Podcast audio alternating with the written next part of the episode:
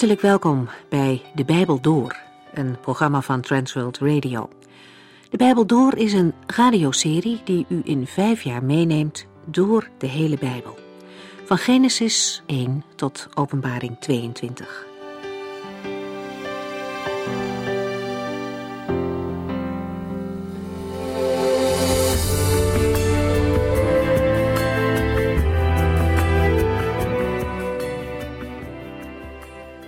In de vorige uitzending van De Bijbel Door hebben we Lucas 5 besproken. Laten we daar nog even kort op terugkijken. Simon Petrus en zijn collega vissers hadden niets gevangen. En als Jezus langskomt en hem vraagt het nog eens te proberen, maar dan aan de andere kant, dan doet Simon dat. Met een verbluffend resultaat. Omdat u het zegt, zal ik het nog eens proberen, zei Simon. Wat een geweldig zinnetje eigenlijk, om te onthouden en ook om te doen. Leven met God betekent dat we soms anders moeten zijn en doen dan mensen van ons verwachten. En zelfs anders dan wij zelf misschien logisch zouden vinden. Maar het is zo de moeite waard om die stap te zetten en net als Simon te zeggen, omdat u het zegt, zal ik het proberen. Als Simon ziet hoeveel vissen hij nu vangt, realiseert hij zich dat hier niet zomaar iemand voor hem staat. En hij vraagt de Heer Jezus om weg te gaan, omdat hij van zichzelf weet hoe zondig hij is. Maar het is niet de bedoeling van de Heer om hem te laten gaan. Wees niet bang, antwoordt Jezus. Je zult vanaf nu mensen vangen. Wij hoeven niet bang te zijn dat de Heere niets met ons kan doen. Hij stuurt geen mensen weg die met hem op weg willen gaan.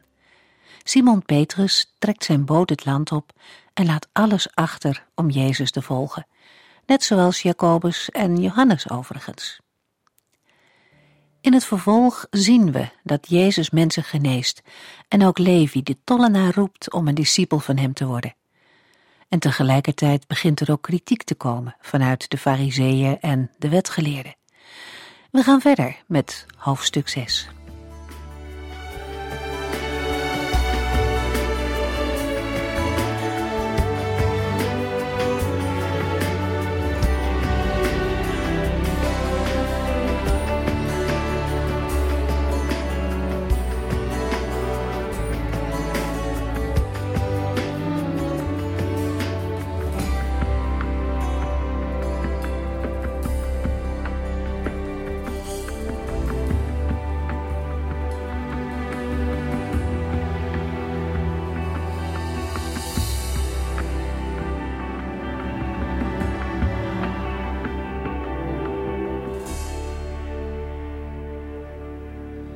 Na de roeping van zijn leerlingen en de toenemende kritiek en tegenstand van de Joodse leiders, is de Heer Jezus in Lucas 6 met zijn leerlingen onderweg.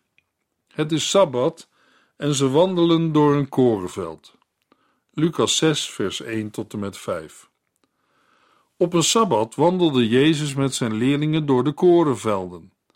Onder het lopen plukten ze wat aren af, wreven die stuk tussen hun handen en aten de graankorrels op. Enkele fariseeën zeiden, dat mag niet. Wat u daar doet, is graan oogsten, en dat is op de Sabbat verboden. Jezus antwoordde, Hebt u nooit gelezen wat David deed toen hij en zijn mannen honger hadden? Hij ging de tempel van God binnen, nam de offerbroden, die alleen voor de priesters bestemd waren, en at die met zijn mannen op. Ik, de mensenzoon, beslis wat op de sabbat wel en niet mag. Terwijl de leerlingen het graan plukten en in hun handen stuk wreven, beschuldigden de fariseeën hen ervan graan te oogsten op de sabbat. Natuurlijk braken ze de wet van Mozes niet, want die stond de mensen toe om graan te plukken. In Deuteronomium 23, vers 24 en 25 lezen we van de druiven uit andermans wijngaard mag u net zoveel eten als u lust. Maar neem geen druiven mee in een mand of iets dergelijks. Hetzelfde geldt voor andermans koren. U mag met uw hand aren plukken, maar gebruik geen sikkel. Als ze het niet met de hand, maar met een sikkel hadden gedaan, zouden ze aan het oogsten zijn geweest. Maar voor de Fariseeën was de handelwijze van de leerlingen van Jezus in alle gevallen fout. Zij hadden hun eigen uitleg van de wet van Mozes, en volgens die uitleg braken zij de wet. Opmerkelijk welk antwoord de Heer Jezus hen geeft. De heiland gaat niet in op het wel of niet breken van de sabbat. Hij weigerde zich te verdedigen tegen het door hen opgeworpen probleem. De Heer haalde een voorval aan uit het leven van David. De geschiedenis is te lezen in 1 Samuel 21. De gebeurtenis laat zien dat David en zijn mannen van het heilige brood eten, de toonbroden uit de tabernakel. Maar de toonbroden waren alleen voor de priesters bestemd. Wat hebben de fariseeën hierop te zeggen? Er komt geen antwoord. In de stilte die volgt horen we de heiland zeggen: Ik, de mensenzoon, beslis wat op de sabbat wel en niet mag. In de evangeliën naar Matthäus en Marcus wordt nog een nadere toelichting gegeven. Marcus 2, vers 27.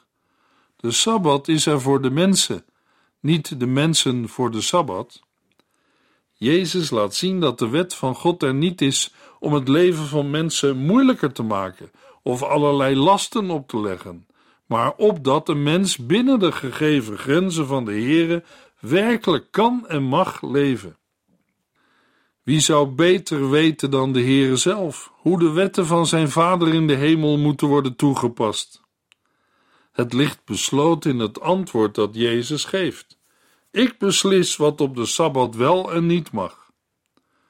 U zult begrijpen dat de verhoudingen met de Joodse leiders door deze uitspraak niet beter zijn geworden. Lucas 6, vers 6 tot en met 11. Op een andere sabbat, toen hij in de synagoge was en de mensen over God vertelde, zat daar ook een man met een verschrompelde rechterhand. De Bijbelgeleerden en Fariseeën hielden Jezus goed in het oog. Want als hij deze ongelukkige man nu, dus op de sabbat, zou genezen, zouden zij een reden hebben hem aan te klagen. Maar hij wist wat ze dachten. Sta op, zei hij tegen de man met de verschrompelde hand. Kom hier bij me staan, dan kan iedereen u zien. De man deed het. Jezus zei tegen de Fariseeën en de Bijbelgeleerden: Ik heb een vraag. Wat moet men op de sabbat doen? Goed of slecht? Moet men een leven redden of het verloren laten gaan? Hij keek hen één voor één aan. Steek uw hand uit, zei hij tegen de man. Terwijl de man dat deed, werd zijn hand helemaal gezond.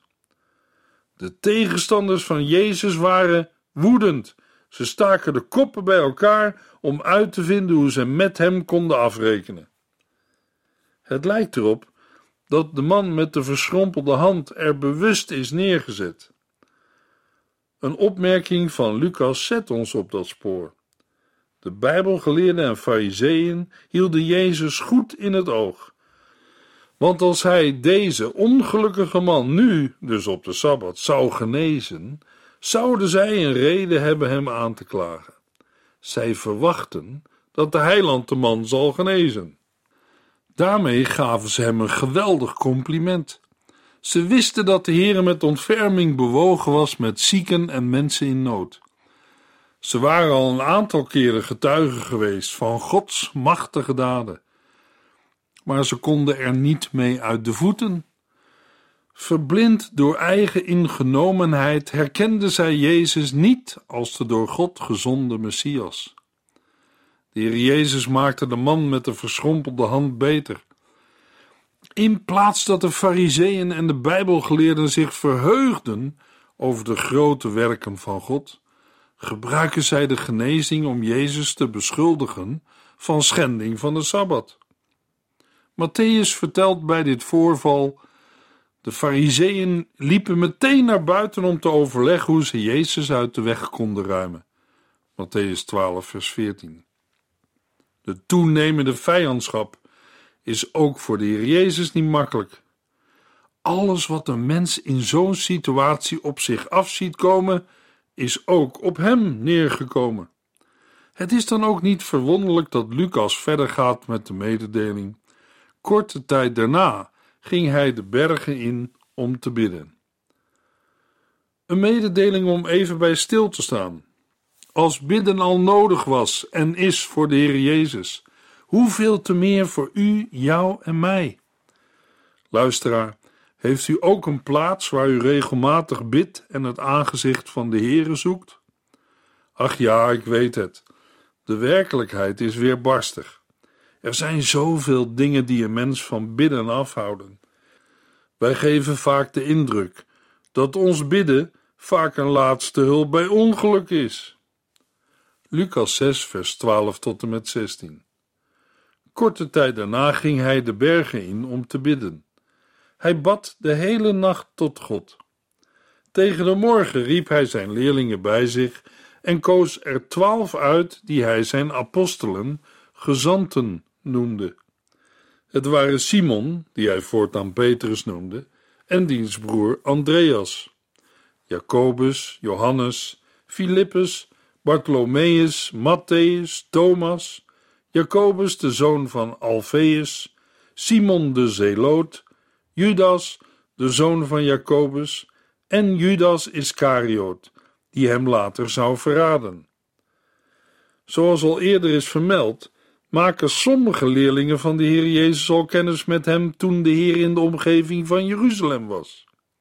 Later riep hij hen om hem te volgen toen hij bij het meer van Galilea was. Een aantal van hen waren discipelen van Johannes de Doper geweest. Na de wonderbare visvangst riep hij hen om zijn leerlingen te worden. We hebben in Lucas 5, vers 11 gelezen: De mannen trokken hun boten op de wal, lieten alles voor wat het was en gingen met Jezus mee. Nu worden er twaalf uitgekozen om zijn apostelen, gezanten te worden. Dat is niet zomaar gegaan. Hij bad de hele nacht tot God. Voordat de Heer een keuze maakte, was hij de hele nacht in gesprek met zijn Vader in de hemel. Ook dat is een les voor vandaag. Als we eerlijk zijn, dan moeten we toegeven dat wij vaak zonder te bidden allerlei ingrijpende beslissingen en keuzes maken. Ons gebed is vaak: Heere, wilt u onze keuzes zegenen? Maar daarvoor ligt het gebed: Heere, wat wilt u dat ik doen zal? Voor alle dingen mogen we bidden. Dat is voor ons mensen het allerbeste. En de Heere wil het graag. Filippenzen 4, vers 6 en 7. Bid voor alles en vraag God wat u nodig hebt, dankbaar voor alles wat Hij doet. Jezus bracht de hele nacht door in gebed voordat Hij zijn keuze maakte. Koos Hij een ideale groep? Nee, want één bleek een verrader te zijn. Een ander zei drie keer dat hij hem niet kende en verloochende hem. Later kreeg hij berouw en heeft de Heer hem zijn plaats teruggegeven en hem, Petrus, in zijn ambt hersteld.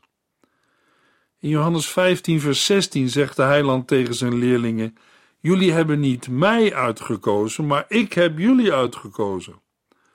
Een mens kan zich een taak, ambt of bediening in het koninkrijk van God niet zelf toe-eigenen. De Heere kiest uit en geeft gaven om hem en zijn gemeente te dienen. Voor veel werkers in de dienst van de Heer is dat een grote bemoediging. De Heer Jezus vond het noodzakelijk om de hele nacht in gebed door te brengen, voordat hij de twaalf apostelen uitkoos. Lucas 6, vers 17 tot en met 19. Ze daalden af naar een vlak gedeelte, waar vele volgelingen van Jezus hen omringden. Van alle kanten waren de mensen toegestroomd. Ze kwamen helemaal uit Judea, Jeruzalem en uit de streek van Tyrus en Sidon aan de Middellandse Zee. Al die mensen waren gekomen om naar hem te luisteren en door hem te worden genezen. En uit vele mensen verjoeg hij boze geesten. Iedereen probeerde hem aan te raken, omdat een geweldige kracht van hem uitging. Hij maakte hen allemaal beter. In de tijd van de Heer Jezus werden velen genezen. Iedereen probeerde hem aan te raken, omdat een geweldige kracht van hem uitging. Alle genezingen van de Heer Jezus waren echt. Lucas doet er verslag van en als arts zal hij zeker nauwlettend alles hebben onderzocht. Lucas 6, vers 20. Daarna liet hij zijn blik over zijn leerlingen gaan. Jezus bevond zich aan de voet van de berg, vers 17, en begon er een grote groep leerlingen toe te spreken. Hij kijkt hen aan en spreekt hen toe met de bekende woorden van de bergreden, ook wel de zaligsprekingen genoemd. Zalig, gelukkig, u die arm bent, want voor u is het koninkrijk van God. Met deze woorden, zalig of gelukkig, prijst de Heer Jezus hen gelukkig, omdat ze deel hebben aan de vreugde die God schenkt. Arm wordt gezegd van mensen die in het leven getroffen zijn door moeite en die bij de Heer hun toevlucht zoeken. Armen en ootmoedigen hebben een houding die tegengesteld is aan die van geweldenaars en spotters. Zeker, ook de materiële kant speelt een rol. In vers 24 blijken namelijk vooral materiële rijken bedoeld te zijn. Ook geldt van degenen die toegesproken worden dat zij als discipelen afstand gedaan hebben van hun bezittingen en daarmee materieel gezien arm waren. Deze armen worden gelukkig geprezen omdat ze deel hebben aan het koninkrijk van God. Dat wil zeggen, het in het Oude Testament beloofde koninkrijk van de Messias. Het opmerkelijke van de weergave van de bergreden in het Lucas-evangelie is dat hij niet lijkt op de weergave van Matthäus. Er zijn weglatingen, samenvattingen, zegeningen en rampen, houdingen en oordelen. Lucas 6, vers 21 en 22. Daarna liet hij zijn blik over zijn leerlingen gaan en zei: Gelukkig u die nu honger heeft, want uw honger zal worden gestild. Gelukkig u die nu huilt, want eens zal u lachen. Gelukkig u die gehaat, genegeerd, beledigd en verbannen wordt, omdat u bij mij, de mensenzoon, hoort. Tot dit punt is de inhoud van de bergrede gelijk aan die in het Matthäus-evangelie.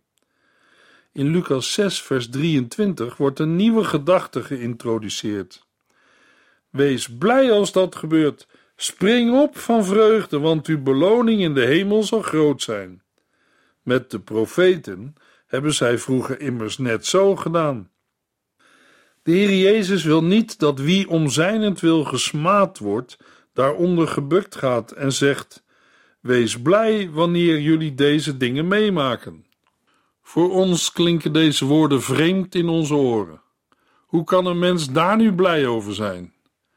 Maar de eerste christenen brachten het in praktijk. Zij verheugden zich wanneer ze met vervolging te maken kregen. Handelingen 5, 16 en 21. Ook vandaag leren vervolgde christenen ons dezelfde les. Hoe vaak horen we hen zeggen: Huil niet om de overwinnaars.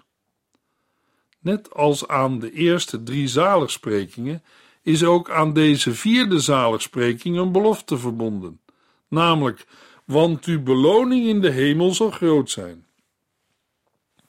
Het is geen loon naar werken, maar eerder een schadeloosstelling voor geleden onrecht.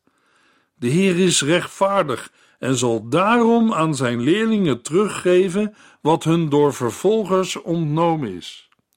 Dit loon is in de hemel, dat is bij God. Lucas 18, vers 29. De Heer Jezus plaatst zijn leerlingen in de lijn van de profeten, die door de Heere tot het volk gezonden werden en die vaak voor hun boodschap geen gehoor vonden en gehaat werden. Lucas 6, vers 24 tot en met 28. Maar pas op als u rijk bent. U bent er dan slecht aan toe, want het geld is het enige geluk dat u ten deel valt. Pas op als u in overvloed leeft, want er komt een tijd dat u honger zult hebben. Pas op als u nu plezier hebt, want eens zult u huilen van ellende. Pas op als iedereen goed van u spreekt, want dat hebben ze vroeger van de valse profeten ook gedaan. Luister, allemaal, heb uw vijanden lief. Als de mensen u haten, wees dan goed voor hen. Als de mensen u vervloeken, vraag God dan of Hij goed voor hen wil zijn. Als de mensen u pijn doen, bid dan dat zij gelukkig mogen worden. Valse profeten staan in de gunst bij de wereld.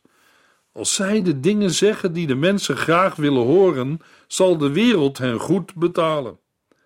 Er wordt vandaag aan de dag weinig gezegd over goddeloze rijken. De Heere zegt: Pas op als u rijk bent. U bent er dan slecht aan toe. Goddeloze armen zijn lang niet zo gevaarlijk als goddeloze rijken. Een rijke vestigt zijn of haar hoop op eigen rijkdom en niet op God en gebruiken hun rijkdom voor zichzelf. Jacobus schrijft in zijn brief, Jacobus 5, vers 1 tot en met 3. De rijke mensen onder u kunnen beter in huilen uitbarsten en jammeren over de ellende die hun te wachten staat. Uw rijkdom is weggerot en uw mooie kleren zijn door de mot aangevreten. Uw zilver en goud zijn door roest aangetast. Die roest zal tegen u getuigen tegenover God en u zult daardoor worden verteerd als door een vuur. U blijft rijkdom verzamelen, terwijl de dag van het grote oordeel nabij is. In de versen 29 en 30 wordt de lijn van de naaste liefde in relatie met het liefhebben van God met voorbeelden geïllustreerd. Jezus vervolgt zijn bergreden en geeft zijn richtlijnen voor het leven. Lucas 6, vers 31 tot en met 46. Wilt u dat anderen goed voor u zijn? Wees dan zelf ook goed voor hen. Wat voor bijzonders is het te houden van mensen die ook van u houden? Dat doet iedereen. En als u goed bent voor mensen die ook goed voor u zijn, is dat zo bijzonder?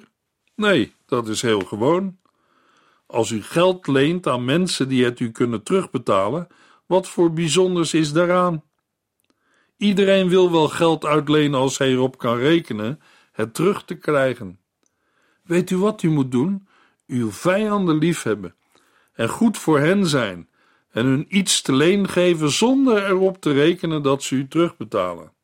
Dan krijgt u een grote beloning in de hemel. Dan zult u echte zonen van God zijn, want Hij is vriendelijk en goed voor ondankbare en slechte mensen. Heb net zoveel liefde en medeleven als uw hemelse Vader. Spreek geen oordeel uit, dan zal er over u ook geen oordeel uitgesproken worden. Veroordeel niemand, dan zult u ook niet veroordeeld worden. Vergeef, en u zult vergeven worden. Geef, en u zult iets terugkrijgen, meer dan overvloedig zult u ervoor terugkrijgen. Met de maat waarmee u meet, zult ook u gemeten worden. Jezus maakte een en ander duidelijk met een paar voorbeelden. De ene blinde kan de andere blinde niet leiden, want als de een in de kuil valt, trekt hij de ander mee. Een leerling is niet meer dan zijn leraar. Als hij alles van hem heeft geleerd, is hij hoogstens gelijk aan zijn leraar. Waarom maakt u zich druk over de splinter in het oog van een ander terwijl in uw eigen oog een balk zit? Hoe durft u te zeggen: Kom, ik zal die splinter wel even uit uw oog halen, terwijl u de balk in uw eigen oog niet eens ziet? Huigelaar, haal eerst die balk uit uw eigen oog. Dan ziet u misschien scherp genoeg om die splinter uit het oog van de ander te halen. Aan een goede boom komen geen slechte vruchten, en aan een slechte boom geen goede. Een boom is te herkennen aan zijn vruchten. Aan een doornstruik komen geen vijgen en aan een braamstruik geen druiven. Zo is het ook met de mensen.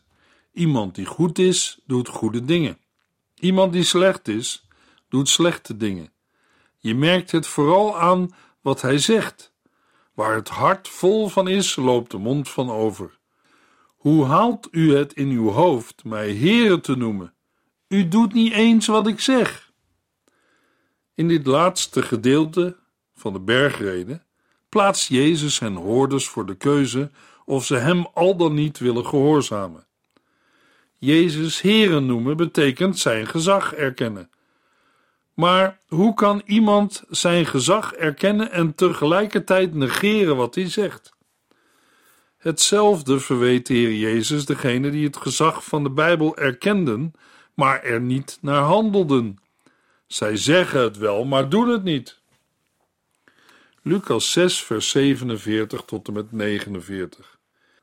Ieder die naar mij komt luisteren en doet wat ik zeg, lijkt op een man die een huis bouwt en eerst diep graaft om de fundering op de rots te kunnen leggen. Als bij een overstroming golven tegen zijn huis beuken, blijft het staan, want het is degelijk gebouwd. Maar wie naar mij luistert en niet doet wat ik zeg, lijkt op een man die zijn huis zomaar op de grond neerzet zonder een degelijke fundering te leggen. Als dat huis wordt getroffen door het woeste geweld van een overstroming, stort het onmiddellijk in. Er blijft niets anders van over dan een grote puinhoop. De bergrede wordt afgesloten met een waarschuwing. Wie Jezus woorden hoort en ze niet doet, is even dwaas als iemand die zijn huis bouwt zonder fundering. Een levenshuis dat gebouwd is zonder het geloof in de Heer Jezus als fundament wordt een puinhoop. Met deze laatste woorden wordt de ernst van het aannemen en opvolgen van wat de Heer Jezus zegt nog eens extra benadrukt. In de volgende uitzending luisteren we naar Lucas 7, vers 1 tot en met 35.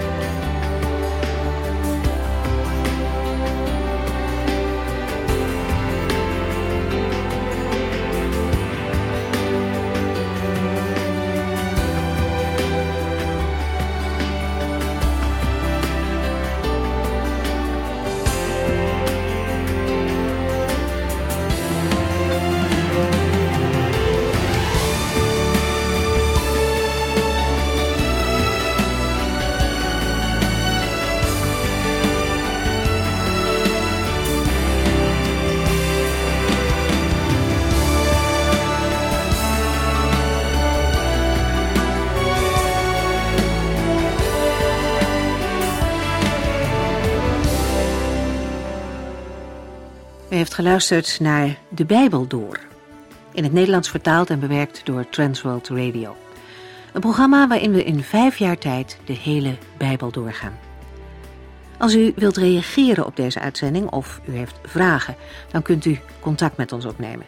Tijdens kantooruren kunt u bellen op 0342 47 8432. 0342 47 8432. 32. Ook kunt u een e-mail sturen naar de Bijbel door transworldradio.nl en natuurlijk kunt u ook via de post ons bereiken. TWR, postbus 371, postcode 3770, AJ in Barneveld. Dit programma werd gepresenteerd door Cor Weda en Ike André. Techniek was in handen van Odin van Woerdekom. En wij allemaal bedanken u voor het luisteren. Graag tot de volgende keer.